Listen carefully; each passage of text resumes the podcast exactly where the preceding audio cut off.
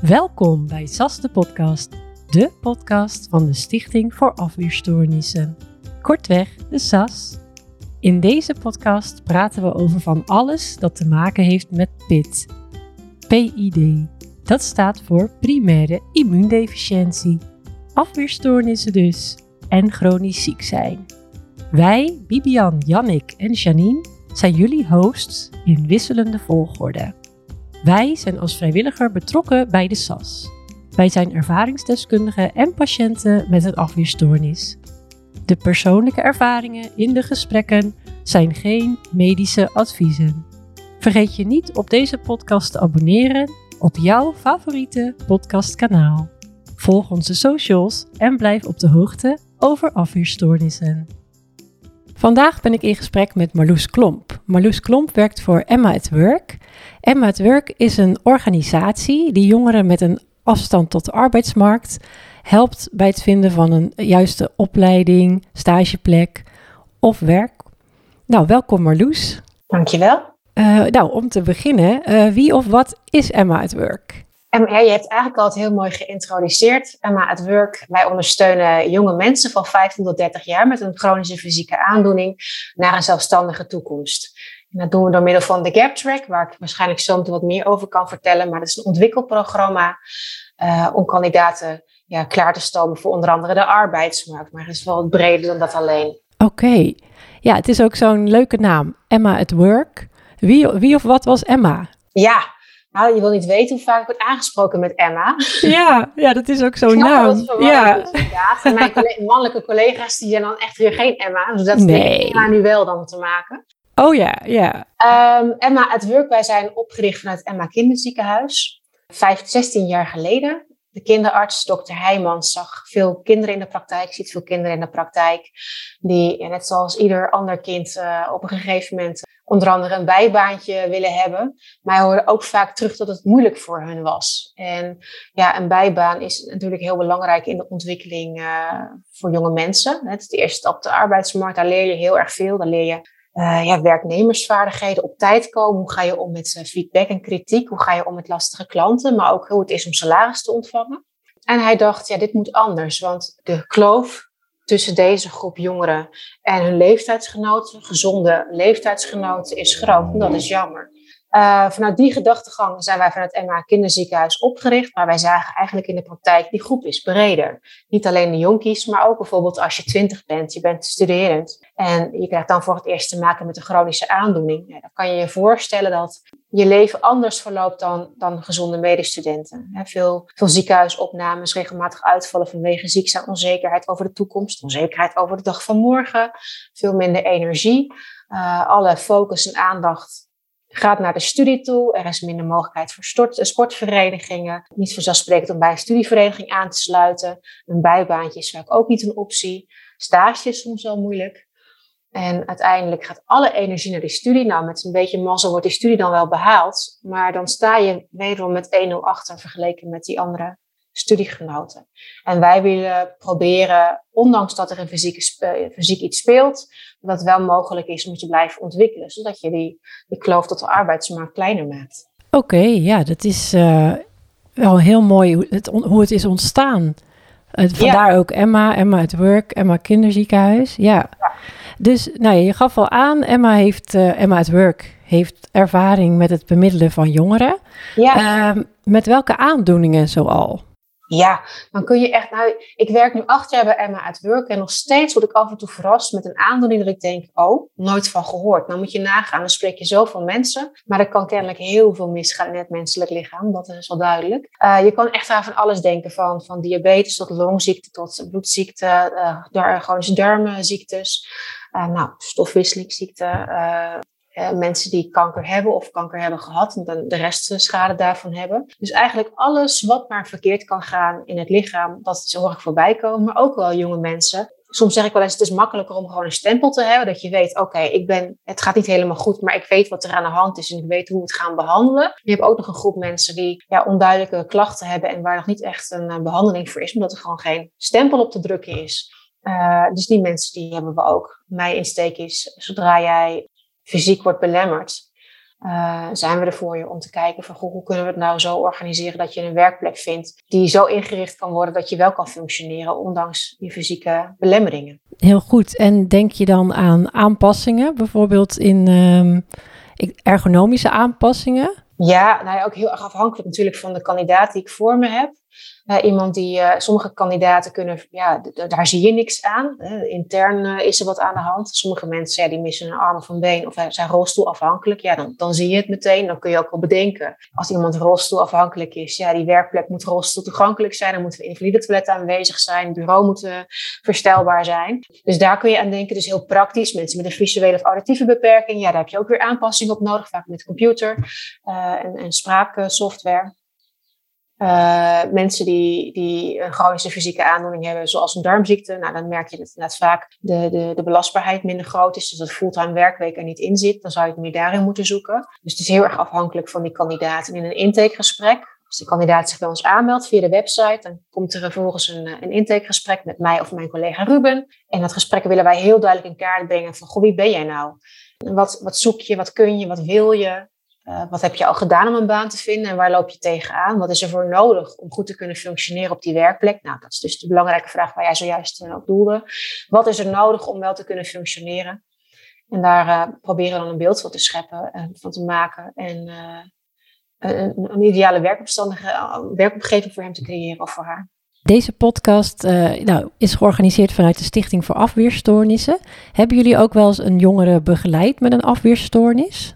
Zeker, ja. Dat is zeker ook uh, voorbij gekomen. Ja. Is dat dan, uh, ik zou maar zeggen, is dat een succesverhaal geworden? Of mag je daar eigenlijk niets over zeggen? Nou ja, als ik geen naam noem, kan ik ja. wel. Ja. Nee, ja, dat ook wisselend, hè? want bij de een uh, uit zich anders dan bij de ander. Uh, vaak toch wel kwetsbaarder, dus op moeten nou, coronatijd, hè, extra op moeten passen voor deze infectie. Minder belastbaar, dus minder uren kunnen werken. Dus uh, wat ik me kan herinneren, uh, die kandidaat is wel geplaatst en uh, dat is ook goed gegaan. Het was uh, vooral kijken van hey, wat is er wel mogelijk en hoe kan die werkplek daarmee, werkgever daarmee rekening houden dat het, dat het werkt en dus, dat het werkt. Dus ja. ja. het is moeilijk om eenduidig antwoord op te geven, omdat bij iedereen, kijk, de ene darmpatiënt is de andere darmpatiënt niet. En de ene persoon met een afweerstoornis is de andere persoon met een afweerstoornis niet.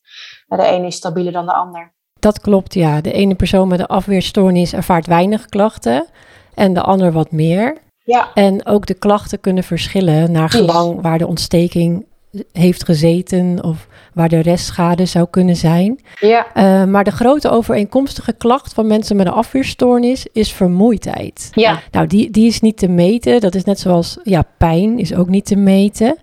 Uh, hoe gaan jullie daarmee om? Of hoe gaat een werkgever daarmee om? Nou, dat is wel echt de de meest voorkomende klacht die ik van kandidaten hoor. Um, dus daar, daar, ja, eigenlijk standaard is dat het verhaal bij kandidaten, een fulltime werkweek, is gewoon niet reëel, omdat uh, ja, de, nou ja, vermoeidheid een rol speelt. Dat is ook logisch. Hè? Je lichaam is continu meer aan het werk om maar gezond te blijven. Kijk, je moet je voorstellen, de werkgevers die, soms melden werkgevers zich bij ons aan, van hé, hey, wij willen graag inclusief ondernemen. En, uh, DNI, Diversity and Inclusion. Daar willen we graag ons uh, voor inzetten.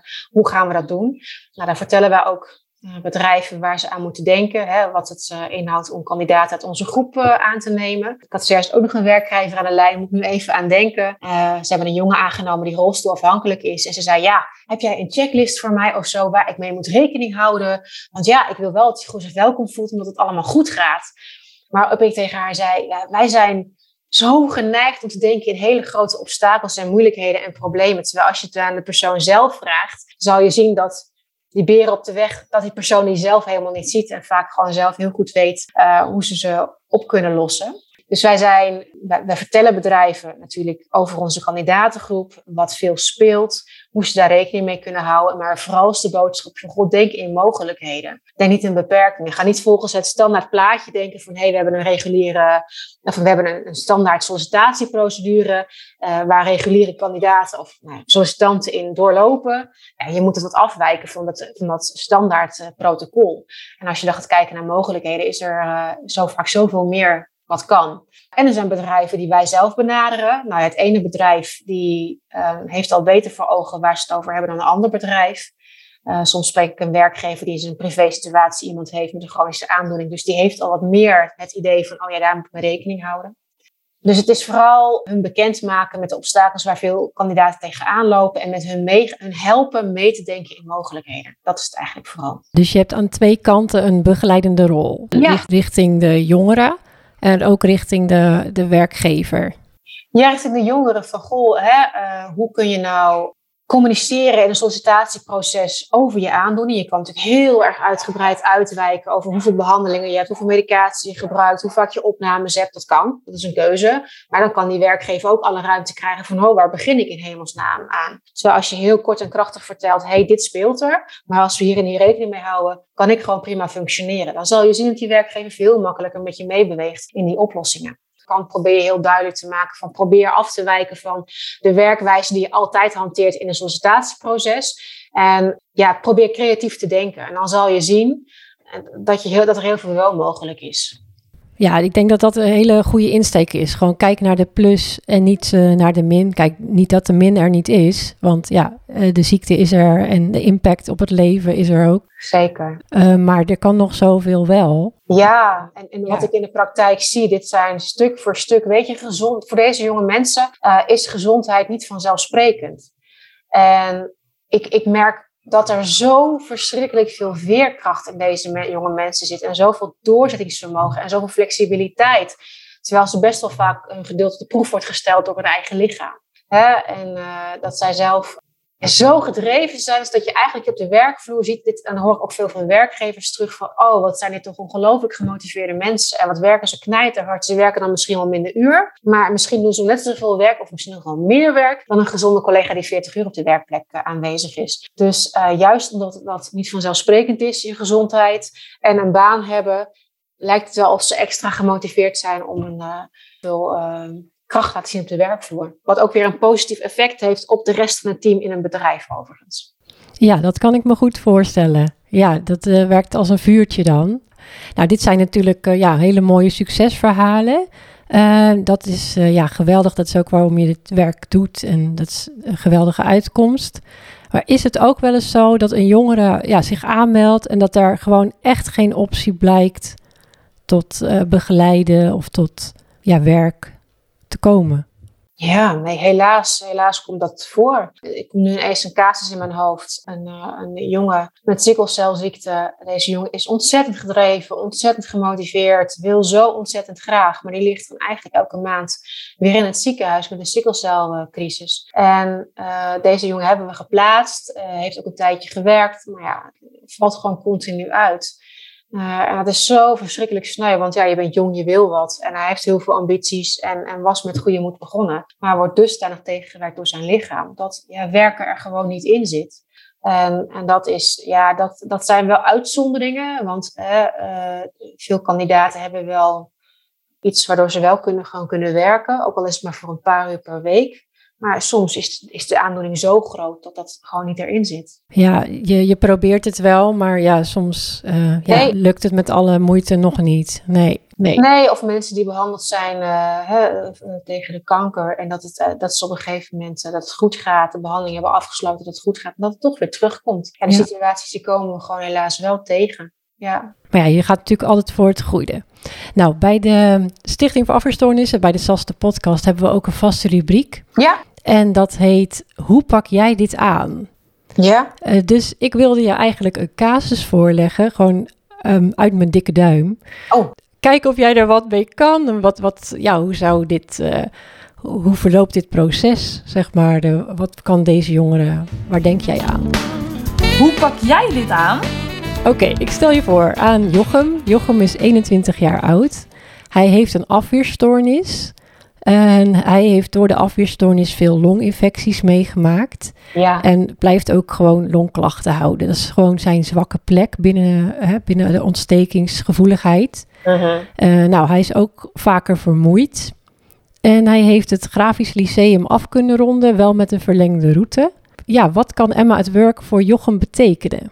Ja, nou hij heeft dus uh, een grafische achtergrond. Ik zou willen weten aan hem, is dat voor jou ook de baan waar je het, waar je het in wil zoeken? Ik hoor dat hij vermoeidheidsklachten heeft en ik hoor dat infectiegevaar. Dus hij zal hè, zichzelf willen beschermen tegen virussen en andere manieren van infectie. Ik ga met hem een intakegesprek aan en ik wil goed uitpluizen van hé, hey, waar sta jij nu? En waar wil je naartoe en wat is er voor nodig om daar te komen? Dan ga ik een ontwikkelplan maken hè, aan doelen waar hij aan wil werken. En waar ik in het begin van het gesprek al even vertelde over de gap track, dan ga ik kijken met hem welke activiteiten binnen de gap track, dus dat ontwikkelplan uh, of ontwikkelingstraject, past bij deze persoon om verder te komen. Het kan bijvoorbeeld zijn dat hij zegt van ja, ik ben wel opgeleid in die richting, maar ik, ik wil eigenlijk onderzoeken wat er nog meer bij mij mogelijk is en wat bij mij past.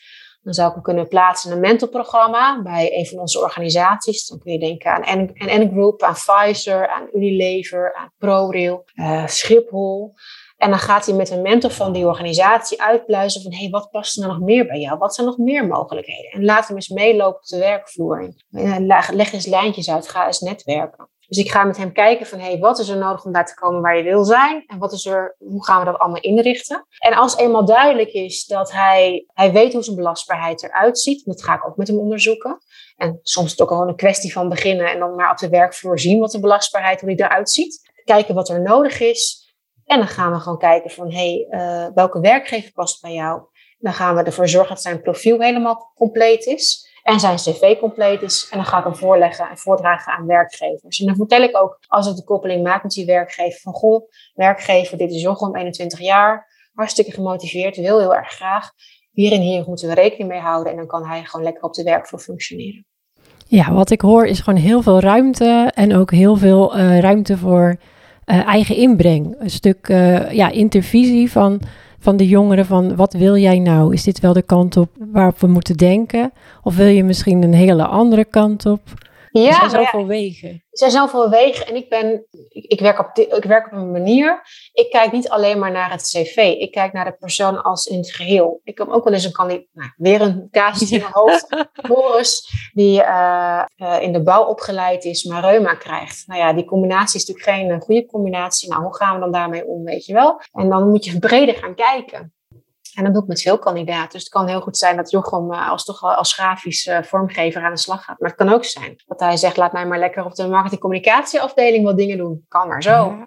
dus het is wel belangrijk dat uh, de baan die we zoeken echt bij die kandidaat past. En, en ik denk dat het dan ook pas een goede match een kans van slagen heeft. Ja, duidelijk. Wat nou als er een jongere luistert vandaag en zich herkent? Wat kan hij of zij dan het beste doen? Nou, dan is het belangrijk om uh, stap 1 naar de website te gaan, dus www.emmaatwork.nl. Dan heb je rechtsboven een hamburgermenuutje en dan klik je die aan en dan kun je op inschrijven klikken. Dan een profielpagina, uh, daar kun je gegevens op invullen en vervolgens zal ik of mijn collega contact opnemen en een intakegesprek plannen. En vanaf dat moment gaan we dus kijken wat er nodig is en hoe we ja, het traject gaan vormgeven. Ja, geweldig. Dus ja, mocht je je herkennen hè, in een van de, van de voorbeelden, eh, al dan niet verzonnen, meld je aan. Want wie weet is er meer mogelijk uh, dan je denkt. Dat en, en, weet dat er gewoon een heel groot bedrijvennetwerk is die aangesloten is bij Emma at Work, die echt staan te springen om gemotiveerde leuke kandidaten. Dus ja. uh, meer dan welkom. En vanaf welke leeftijd of tussen welke leeftijden kunnen mensen ja, wij richten, wij richten ons op uh, nou, ontstaansgeschiedenis. Dat was echt voor de jongere mensen die een bijbaan zochten. Maar we zijn dus uitgebreid. We, we, helpen jonge mensen van 15 tot 30 jaar met een fysieke chronische aandoening. Maar het komt ook wel eens voor dat er een kandidaat zich aanmeldt die er 31 jaar is. Maar die zo'n casus heeft dat ik denk van ja, ik vind dat we die ook gewoon moeten helpen. Dus uh, we, we, richten ons op 15 tot 30 jaar. Maar nou ja, soms komt het wel eens voor het wel uitwijken. Nu je zegt van we begeleiden ook wel eens ja, wat oudere jongeren, zou ik het dan maar zeggen. Zeker, ja. Ja, heb je dan ook wel eens te maken met uh, sommige jongeren met een uh, waaijong-uitkering? Uh-huh. En mag je dan een traject volgen zoals bij Emma het Work terwijl je uitkering loopt? Ja, het is grappig dat je dat zegt, hè? want je zegt al de oudere jongeren. Klopt, Ja. want eigenlijk alleen maar de oudere kandidaten hebben een waaijong. Nu krijg je eigenlijk niet zo snel meer een waaijong-uitkering. en waar, waar als je een waaijong-uitkering hebt, hè, dan is het UWV degene die met je meekijkt. Heb je een indicatiebaan, afspraken, zal dat de gemeente zijn. Eh, maar er is ook een hele grote groep eh, kandidaten van mij die, die geen indicatie hebben. eh, en die ook niet ergens kunnen aankloppen. En weet dat Emma at Work voor heel die groep staat. Dus of je nou een ziektewetuitkering, een VIA, een bijstandsuitkering, een waaijong, een indicatiebanenafspraak of niets hebt, we zijn er. Ja, Dus dat, ook al heb je een waaijong of een bijstandsuitkering, het trekt kun je gewoon bij ons doorlopen. nou, dat is denk ik wel heel belangrijk om eh, te noemen. Want ja, sommigen van ons zijn al best wel lang eh, bezig hè, met, met ziekte, ziektewet. eh, nou, van de ene uitkering in de andere. Ja, En ja, je wil natuurlijk niet dat je uitkering voortijdig stopt als je begeleiding zoekt tot betaald werk. Ja. Ja. Nee, en ik merk dat eh, vrij veel, eh, voornamelijk UWV, ons wel kent. Gemeentes niet allemaal, maar eh, bij het UWV en, en grotere gemeentes zijn wij wel bekend door. Dus ze weten ook van ons werk af. En het- het- wat ik persoonlijk heel fijn vind, is dat Emma at Work ook staat voor die kandidaat die niet die stempel heeft gekregen. En, en, want dat vind ik wel eens heel moeilijk, dat ik kandidaten spreek, dat ik denk van, goh, je hebt echt wel die ondersteuning of het zetje in een goede richting nodig. En het is zo jammer dat je die niet krijgt omdat je geen indicatie hebt. Terwijl eigenlijk dat wel gewenst eh, is. Ja, en dan zijn jullie er om ze, ja, de horizon weer te verbreden. Ja, Misschien perspectief te bieden. dat hoop ik wel. Dat is wel mijn doel. Als ik een jongere spreek, dan is dat mijn, eh, mijn doel. Om Ja. eh, het een succesver, ja, te laten slagen en er een succesverhaal van te maken. Nou, we komen bijna aan het eh, eind van deze aflevering. En wij sluiten meestal af met eh, de rubriek. Quote van de dag. Kan jij deze aflevering samenvatten? Of wat blijft jou het beste bij van deze aflevering? Eh, ik, ik, ik sta ook op de website van Emma at Work. Als je mijn foto aanklikt, klikt, dan zie je ook eh, iets in de trant van eh, denk in mogelijkheden. Dat is eigenlijk wel een beetje mijn motto met, met kandidaten. Er is in een gesprek altijd ruimte voor het verlies en het verdriet. En hoe ellendig het is dat je fysiek iets mankeert. Daar is altijd ruimte voor. Maar ik probeer altijd met de persoon te kijken naar de gezonde kant. Want je bent niet je aandoening. En ik wil heel graag de ander motiveren. En ook die werkgever Denk in mogelijkheden. Denk in wat wel kan. Denk in kansen. Dat is natuurlijk een veel positievere benadering. En daaruit staat, ontstaat vaak veel moois uit. Dus uh, denk in mogelijkheden zou mijn quote zijn. Dat is echt je lijfspreuk. Ja. Niet mijn lijfspreuk, maar in mijn werk. Nou ja, misschien ja. ook wel een beetje privé inderdaad. Van denk in mogelijkheden. Dan is er ja. vaak zoveel meer mogelijk. Ja, mooi. Ja, voor mij blijft bij als quote uh, wie weet. Gewoon wie weet wat er nog wel kan, of wie weet uh, vind je wel een uh, passende plek. Dus ik zou zeggen, herken je je als jongere met een chronische ziekte of met een afweerstoornis? Een kijkje op de website kan nooit kwaad. Zeker niet. Nou, Marloes, ik wil je hartelijk bedanken voor je bijdrage. Is er nog iets wat je nog wil zeggen waar we het nog niet over hebben gehad? Nee, ik geloof dat we vrij veel behandeld hebben. Nee, nou, super. Ja, ik denk ook dat er heel veel informatie uh, is gegeven.